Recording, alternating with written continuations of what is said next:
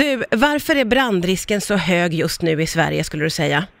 Jo, men det beror på att eh, det har varit väldigt torrt och soligt under flera veckor i södra och mellersta Sverige och det har torkat ut skogen, skog och mark. Ja. Och eh, det här är väldigt tidigt. eh, Är det ovanligt tidigt för brandrisksäsong så att säga?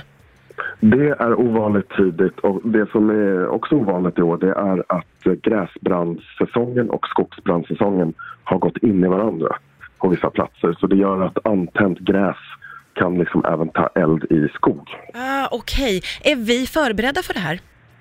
Ja, men vi är förberedda. MSB har gjort en upphandling här under vintern och våren och har ett 30-tal helikoptrar som vi på olika platser eh, placerar ut strategiskt i Sverige.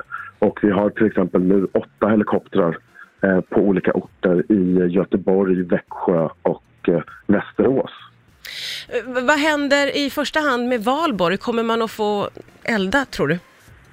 Ja, det är viktigt att eh, allmänheten följer råd och instruktioner från myndigheterna och det är alltid den lokala räddningstjänsten som beslutar om eldningsförbud i just den kommunen. Sen kan man också hålla koll på brandrisk i skog och mark i MSBs brandrisk-app, Brandrisk ute, eh, där det också finns råd om säker eldning och grillning. Ja. Eh, Vad tycker du att allmänheten behöver veta just nu?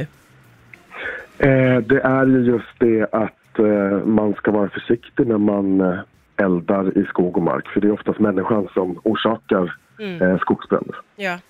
Så inte slänga fimpar och inte hålla på att tända eld och grilla och sånt där? Nej, ingenting som orsakar gnistbildning ute i naturen. Nej. Men om, man, om, om du grillar i en, i en säker grill på din egna tomt, då, då kan ju det vara okej. Då är det okej. Men, men, men följ räddningstjänstens instruktioner. Jättebra tips. Tusen tack Marcus Årskog från MSB.